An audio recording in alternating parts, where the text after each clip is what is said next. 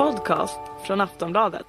Nu välkomnar vi nyblivne åttaåringen P.O. Enqvist som ska samtala med Daniel Suonen om liv och verk. Varmt välkomna hit då till Aftonbladets monter. Eh, med mig här har jag Sveriges, eh, kanske i särklass, tycker jag, största eh, nu levande författare och dramatiker, P.O. Enquist, som precis som sagt eh, fyllde 80 år här för några dagar sedan bara. Eh, och eh, under ett par år så har vi tagit en fika ibland och pratat om politik och litteratur och ätit wienerbröd. Eh, och, och, vi har inte fått några wienerbröd här, men vi ska försöka ändå.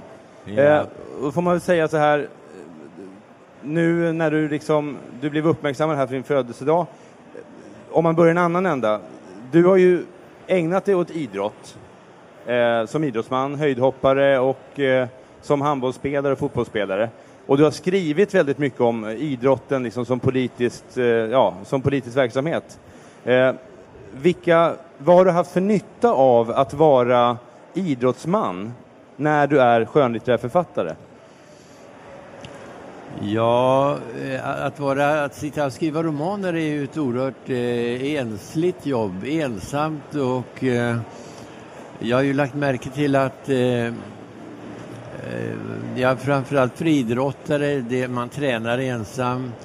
Man hoppar höjd, det gör man alldeles ensam. Skriver romaner, det gör man alldeles ensam. Det är någon typ av koncentration på jobbet eh, och inte så mycket teamarbete eh, som till exempel inom teatern. Eh, så jag tror att att förmåga att arbeta, att fokusera, att arbeta ensam med någonting är något som jag haft nytta av. Ja. För i något sammanhang, jag har läst eh, liksom en del av det som har skrivits om dig, det är oerhört mycket. Eh, och du har ju pratat, alltså det här hur, hur, hur, hur skönt du har tyckt det var att vara liksom, vid teatern, när du har liksom regisserat och dramatiserat saker och liksom haft det här ensemblen att gå till Eh, hur, hur är den där liksom, har du sak, alltså, tycker du att det är en fördel med teatern eller, eller har du liksom saknat det? Ja, det är väldigt roligt att en gång på varje år träffa sina läsare. Det är Bokmässan ja, i ja. Göteborg. Ja. Men å andra sidan, då är läsarna så sammantryckta i en enda lång, eh, kompakt, eh, man får knuffa sig fram genom dem. Men då ser man ändå läsarna. Man känner dem? Eh, man känner dem fysiskt sett. Man föser dem åt sidan ibland. Det är en skön känsla, flytta på er. Ja, nej. Teater är ju något helt annat. Mm. Eh, att skriva en roman är att ha total kontroll. Varje kommatecken, varje ord, allting. Ingen kan ändra det. Eh, men däremot eh, att ha Inom teatern så är det många skikt. Det är, teaterchefer, det är dramaturger, det är regissör, regissörer, det är skådespelare och så vidare. Till slut har man nästan ingen kontroll alls. Var det jobbigt eller var det skönt att liksom lämna över? Nej, det är skönt att sitta och ha kontroll över en roman. Mm. Det är det. I väldigt många av dina romaner så återkommer du i olika former till liksom miljöerna där du växte upp i, i Västerbottens inland, eller kustland. Och eh, en sak som jag tänker på, din mamma var ju nästan, ja hon var religiös men hon var också en, en starkt brinnande folkpartist. Du har sagt den, den elakaste folkpartisten i, eller hårdaste folkpartisten i, i hela Norrland. Absolut inte elakast, brinnande är väl ordet. Ja, okej. Okay. Men... Kan du föreställa en brinnande liberal? Ja, men det är liksom som ett isblock som smälter. Nej, det var inget isblock alls. Hon var lite cool var hon. Okej. Okay en cool, brinnande eh, folkpartist. En, en uthållig låga? En uthållig låga i en liten bondby. Mm. Nu för tiden, jag lade märke till att Folkpartiet var på den tiden, 40-talet, de var jättestora. Mm. Det fanns flera brinnande lågor. Men nu har Folkpartiet i Skellefteå kommun eh, uppnått 2,5 procent. Praktiskt taget utraderade i någonting som man trodde var det frikyrkliga väckelserörelsen, liberalismens, en av deras huvudfästen och den finns nästan inte längre. Vad beror det på? Ja, det beror till, dels på att eh, det, Västerbotten är en av de få ställen i Sverige där eh, man kan se en tydlig vänstervind. Socialdemokraterna och eh, Vänsterpartiet har väl tillsammans 70 procent. Och det gäller både, både norra delen och södra delen. Och eh, gamla liberala fästen är nästan utrotade. Alltså en sak, jag tänker på det, när du, så att säga, din mamma, hon var då, hon var starkt kristen, hon var, hon var starkt liberal och hon höll fast vid platsen då, eh, så att säga, i Västerbotten. Och du lämnar platsen, du blir socialdemokrat och du, så att säga, och du är inte direkt brinnande kyrklig i alla fall och inte kanske religiös på det sättet. Var det, såg hon det som ett svek? Vad Såg hon det som ett svek? Att du blev sosse, drog och blev ateist på något sätt? Nej, men jag förde väl två olika samtal, dels med mig själv och dels om eviga frågor och sånt där. Men eh, jag är ju inte en buffel som säger till min mor som är eh, eh varm kristen att eh, du har fullständigt fel, nu får du allt byta ideologi här och så vidare. Utan jag följde henne alldeles snällt i kyrkan. Eh, och eh, jag sa ju att jag grubblade på det hela och hon förstod nog precis hur det var dags att jag fejdade ut långsamt. Men hon insåg att jag, hade ett stort intresse för religiösa frågor. Och eh, hon var inte dummare, hon var inte dum nämligen. Nej. Ja, Briljant, det är henne jag fått huvudet av. Hon insåg att, att jag kanske inte var fundamentalistisk bibeltroende. det kanske inte hon var heller. Nej. Eh, man kan ju vara brinnande kristen för det. Varmt, varmt troende, på gräns till brinnande. Men det är ju bra. Det är en vacker, alltså, det är en vacker, Ja då. en vacker fin. Nej, det, hon lät mig nog tänka själv faktiskt. Då, Just det. Efter 15 års ålder. efter 15 års ålder, efter furugolven, Ja, kan man säga. så fick du tänka själv. Ja, Eh, just nu när vi sitter där så sitter säkert Stefan Löfven och, och trycker upp Jonas Sjöstedt mot ett plank i, i någon byggnad i Stockholms innerstad. ja denna brutalitet inom Denna- socialdemokratin. De brottas. Du har, ska skriva om Juholt, du bör Ja. veta brutaliteten, hur den fungerar. Ja, fast så hårt går det inte till just nu. De är lite snällare nu. Men, men vad tror du, liksom, det här läget som är politiskt, så att säga, med en minoritetsregering, det, även om de får med Sjöstedt och, och så, så blir det väldigt svagt. Alltså, och du har ju perspektiv då ända sedan Erlander. Vad, vad, så att säga, vad förväntar du dig av liksom, Löfven och den här regeringen?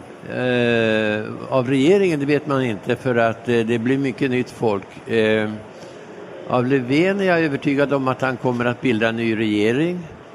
Eh, det blir en minoritetsregering. Han kommer att ta det lugnt det första året. Han kanske förlorar lite omröstningar i riksdagen. Eh, han kommer att fortsätta sträcka ut handen mot de tre små dvärgarna. eh, de kommer att vara trotsiga till att börja med. Och spotta och svära. Och så, så småningom kommer till exempel Folkpartiet inse att ska de ha några eh, inflytande kvar eh, så får de alltid inse att också till exempel eh, liberala fästen som Västerbotten nästan håller på att försvinna. Någonting måste de göra, sitta och tjura i ett hörn. Och den där besynnerlige Löfven, han håller ut sin hand eh, och håller den vecka efter vecka, vilket de inte är vana Och vid. den fylls med regn och den fylls med löv och Ja, den fylls liksom med stenar. Solen kommer, solen går, eh, men eh, Och de, Löfven står på torget. De inser att den här gamla fackförenings eller unga fackföreningsmannen har tid att vänta. Ett år, kanske två år, kanske tre år. Medan de långsamt försvinner som en dålig tv-bild. Mot 2,5 procent och ner. Var det en fullständig analys? Det var en fullständig analys. De har just meddelat från SVT att du tar Margit Silbersteins och Mats Knutssons plats. Det här var sammanfattade mycket bättre än dem. De Okej. behövde två år för detta. Ja, ja. Och hade ändå fel. Ja, jag har lagt märke till det. Ja. Eh, när vi snackade här för, för någon vecka sedan eh, så pratade vi om liksom, din kvarnlåtenskap, arki och arkivet och allt du lämnar efter. Och du sa, det där ska jag bränna upp. Det gäller att kunna tända den sista br- brasan och elda allt. Ja, Och en gång tidigare frågade jag, kan man få titta i någon dagbok eller något sånt där? Och då spände du ögonen i mig och sa aldrig. Det får du aldrig. Nej, men alltså det sånt här material som man använder när man skriver. Alla misstag, alla återvändsgränder, det kan man ju inte... Eh, det finns ju en slutpunkt i detta, nämligen om det blir en bok och kommer ut, eller en pjäs Mm. och kommer ut. Eh, det står jag för. Det som är eh, vägen fram till det, det står jag absolut inte för. Det ska brännas, förintas och så ska man gräva ner askan i en liten grop i trädgården Absolut. så inte ett enda flarn blir kvar. Det gäller bara att vara vid medvetande när man blir så gammal att man kan orka hålla en spade. Om man inte orkar spade får man eh, be barnen eller anhöriga ta hand om papperna. Men och kan man då, lita- det kan man inte lita på. Nej, Nej bränna och, och gräva ner i trädgården. Just det.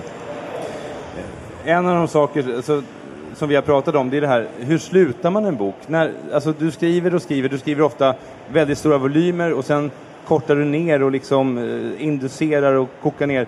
Men slutet, hur, hur vet man när en bok är en berättelse i slut? När den är klar?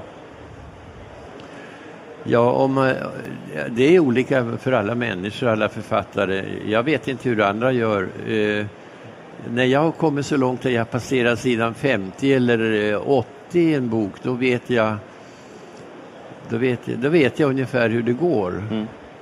Och jag vet också grundrytmen i den och vad den svänger och så vidare.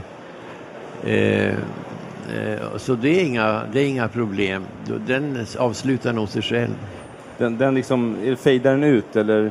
Nej, det, den ska väl inte fejda ut men den ska ha ett slut. Det, det är inte det svåra. Det svåra är de första 50 sidorna. De är svåra. Olidliga. Du gör ju en enorm klassresa, en enorm liksom, livsresa.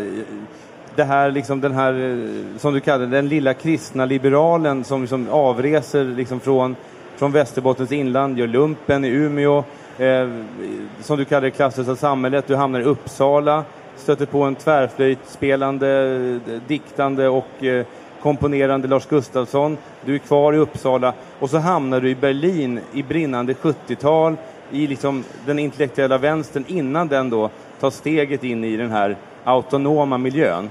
Hur, hur var det?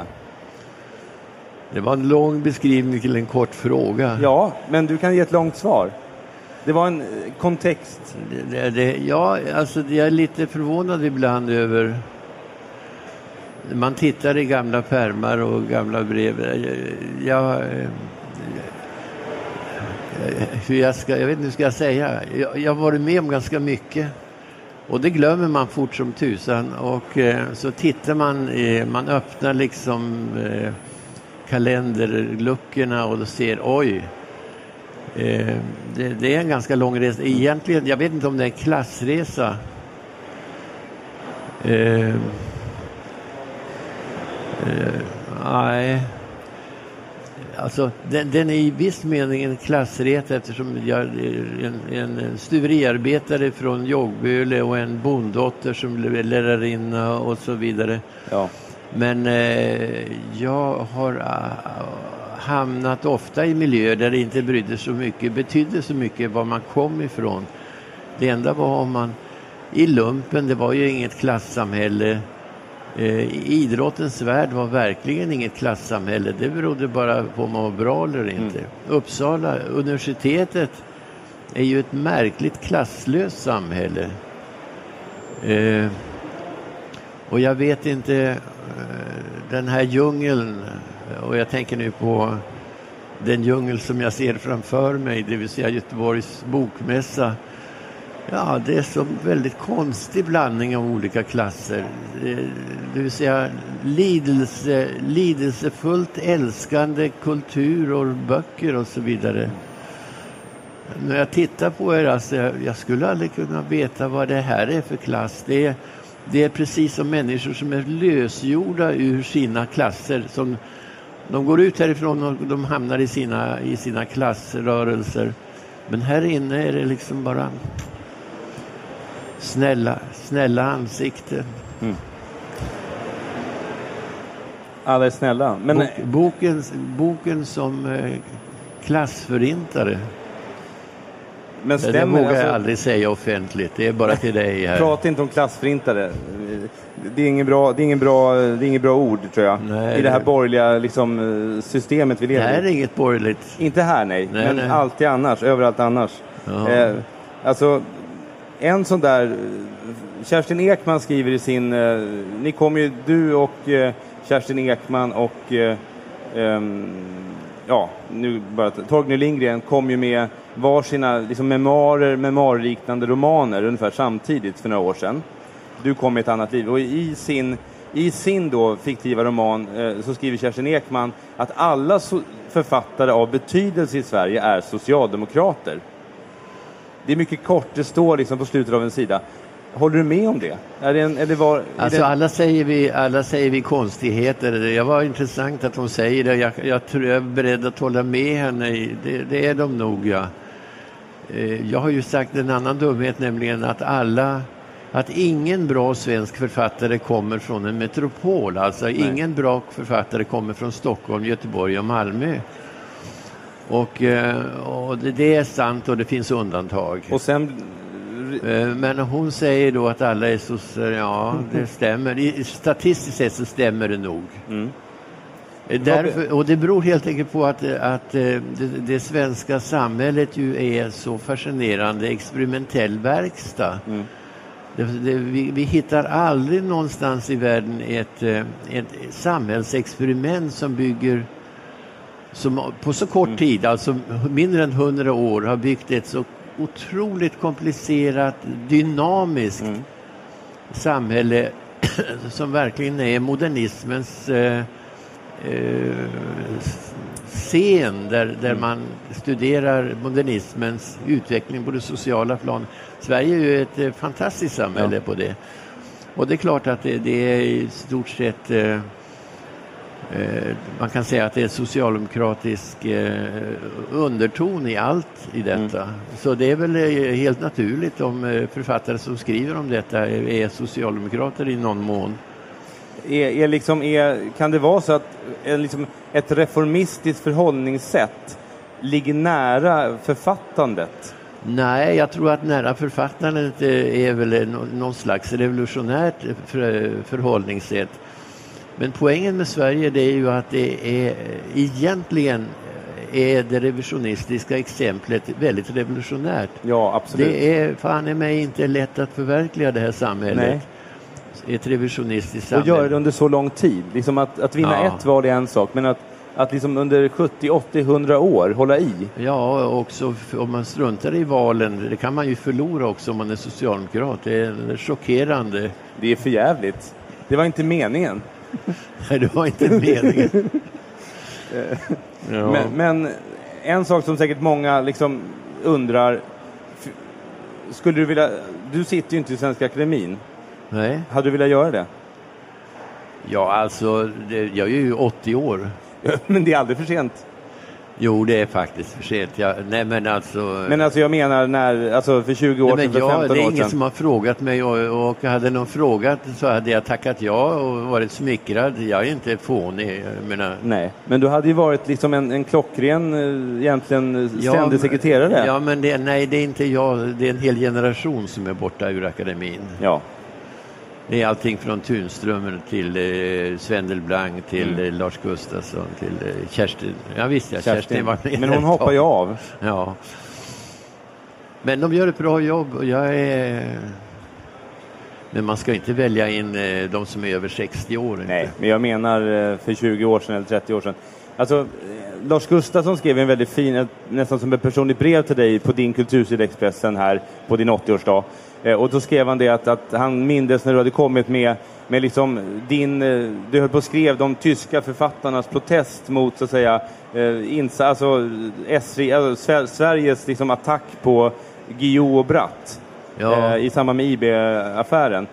Var det där en, var det där, tyckte du att det var, hur såg du på liksom IB-affären och Palme och, och det, liksom, det Nej, traumat? men, eh, det vi, jag och Lars fixade det tillsammans med Hans Magnus Enzensberger och Böll. Ett brev från tyskarna. Vi, vi dolde oss väl, men Mm. vi, det, vi, vi var i Berlin samtidigt och skrev det där brevet. Vi Men hade ju bra kontakter med hela tyska Parnassen. Med Gras och Ja då. allihopa. Men, men vad tyckte du i själva sakfrågan? Det där var ett politikersvar. Ja, det, det, det var nödvändigt att skriva att nu får ni ge er här. Mm. Kort sagt. Det var mycket hovsamt formulerat, i sak väldigt skarpt brev som eh, Hans Magnus Enzensberger Mm. skrev i köket. Ja, det är inte dåligt. Sufflerad av mig och Lars. Eh, du sa ju, vilket jag också skrev i intervjun i Aftonbladet, att du sa att Reinfeldts avgång på valnatten, det var den största, så att säga, eh, så att säga det var det märkligaste som hade hänt i svensk politik på 50 år. Det var en gåta. Varför Ja, då? väldigt lätt överdrift. Men Jag tänkte bara äntligen. Ja, det är svårt att säga. Det är svårt att säga varför han höll det där hjärta till hjärta-talet som det blev utformat. Det är svårt att säga vad han kände då, om han redan då hade gett upp. Mm. Och vetat att det här går inte. Det är svårt att säga hur det kunde ske att den moderata eh, partiledningen, den moderata Mm. partiledningen på en gång dekapiterade sig själv, alla Ja. sex ledande pang. Eh, det är någonting som är gåtfullt i hela historien och som, jag, som det kommer att diskuteras länge. Eh, jag vet inte. Ibland så tror jag att han var, att Reinfeldt visste att han var förlorad och ville gå till, till botten med flaggan i topp. Mm. Fast det är ett lite romantiskt sätt att tänka. Han tänkte nog längre fram. Men konstigt var det. Du debuterade 61, om jag inte minns fel. Eh, och eh, du, lämnade, du fick, kom ut med en bok här i våras. Eh, hur eh, skriver du på någonting nu? Ja, jag skriver alltid och det blir... Ibland blir det flera meningar som är bra och uthärdliga och ibland blir det eh, inte alls. Eh, men eh, om Gud vill, som jag brukar tänka, så kanske det blir någonting eh, när jag fyller på min 92-årsdag. Då kommer den, liksom, den stora boken. Ja, det måste uppenbarligen bli ganska stor då. Vi får se. En, en annan sak, bara... Jag har, lo- jag har långa gluggar mellan mina böcker. Och det är mycket tänkande innan jag vågar sätta igång. det måste liksom, det som ska läggas till måste vara rätt. Det är svårt att skriva böcker. Jag observerar pluralis böcker. Det, är, det är ingen konst att skriva en bok. Det finns, finns Det massor med exempel på de som skriver en bok. Mm. Eh, det, är, det är den sjunde boken som är svår. Eller tolfte. Eller andra. Nästa bok är svårare än den förra. Ja, det är bra uttryckt. Du skrev en recension i Expressen av eh, en bok om eh, äldreomsorgens kris och Carema-skandalen. Som het, boken heter Folk dör här. Och du skrev där väldigt enkelt och klart som du ofta gör. Några slutsatser står dock kvar efter läsningen då. Vinster i vården måste bort. Och då blev ju de här lobbyisterna jävligt arga på dig. Lite oförskämda och förtrytna. Kan du säga något om det? Hur kändes det? Det är, ja, alltså polemik om man skriver en sak i en tidning och recenserar en bok. Det är väl inget konstigt att man eh, får polemik mot sig. Herregud, jag har, jag, jag har varit på Expressen i, eh, sedan 1966 och det är en tidning som alltid bråkar och alltid blir eh, polemik omkring det. Högt i tak och det, eh, och, och där har jag alltid varit. Jag gillar tidningen. Mm. Eh, men eh, ja, vi klass- får, väl, vi får väl se hur det går med vinster i vården. Det blir säkert någon kompromiss. De håller säkert på nu. Jag vet, de viker sig redan. De, de viker, alla viker sig. Liksom. Eh, De, jag tänker liksom att det måste vara ganska roligt med det här, liksom, vi, inte till salu. Det kommer bli roligt att göra liksom, alla var till salu. Ja, vi får se. Men det är i alla fall jämlikt om alla Ja. säljer sig.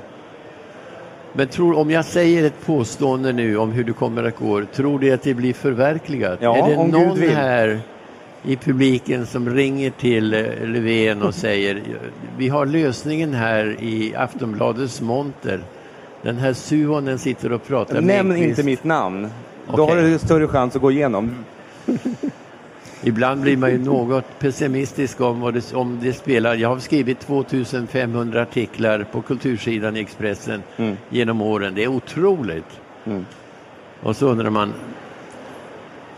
Men det var roligt hela tiden. Och det är lite grann en strid liksom hela tiden. Men, men är inte det på något sätt att, att eh, nästan ett dialektiskt tänkande krävs? Liksom att du skriver 20 rom stora romaner och pjäser och manus liksom, till filmer och så.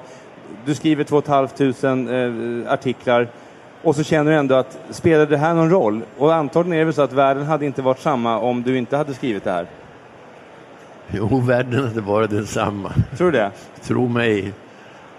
Eh, fast det, det man upplever, särskilt på gamla dagar när folk vågar gå fram och säga att om de säger okej, jag har läst dina böcker eller den boken Mm. och eh, det betyder mycket och det ändrade, jag fick en idé.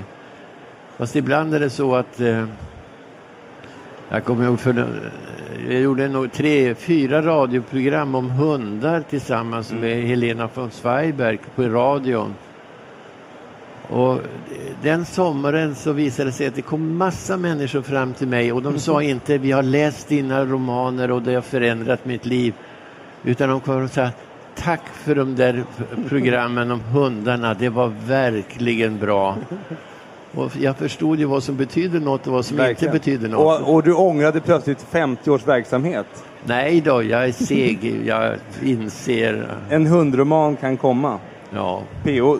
De här arrangörerna här, de vinkar och ser väldigt oroade ut. ja vi har De är rädda att vi håller på länge. Men jag vill att du sitter kvar, för jag tycker nämligen att vi allihopa som står här, för jag tror de här tycker väldigt mycket om dig, att vi ska utropa ett fyrfaldigt leve för P.O. Enquist.